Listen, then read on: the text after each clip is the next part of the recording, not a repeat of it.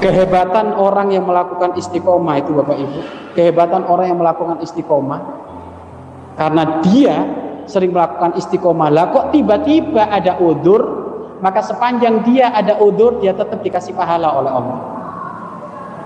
Contoh, ibu biasanya Jumat malam Sabtu keempat biasanya hadir majlis lah kok hari ini nggak hadir majlis karena sakit apa kata malaikat tetap aku kirim pahalanya ke sana ini barokahnya orang istiqo, istiqomah Biasa infak sedekah setiap hari Jumat infak sedekah ke masjid. Setiap hari eh tak taunya kemarin duitnya hilang. Gimana? Tetap pahalanya dikirim oleh Allah. Makanya Bapak Ibu, banyak para kekasih Allah itu mati syahid bukan di medan laga. Kalau mati syahid di medan laga, membela Palestina jelas. Para kekasih Allah itu mati syahid di atas ranjangnya.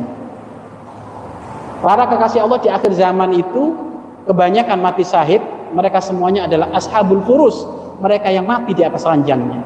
Mati di atas ranjangnya itu apa? Dia punya kebiasaan ngaji di masjid sholat berjamaah karena sakit harus lemah lunglai ada di ranjangnya tapi dia mikir aku ini biasanya ke masjid aku biasanya ngaji aku biasanya akhirnya karena penyakitnya ganas sampai dia meninggal, dia akan dikategorikan orang yang mati syahid.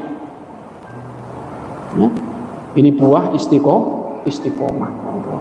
Makanya, ayo jadi orang istiqomah pelan-pelan, pelan-pelan. Makanya tar kembali lagi ke urusan target, targetnya nggak usah muluk-muluk.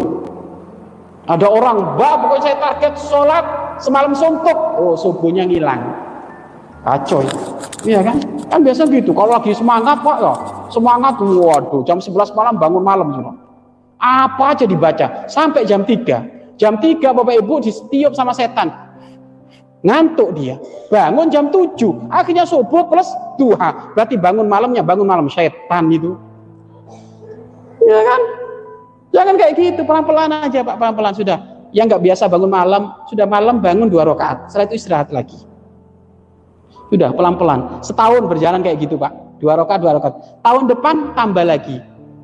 Dua rokat lagi jadi empat rokat. Terus, terus kayak gitu.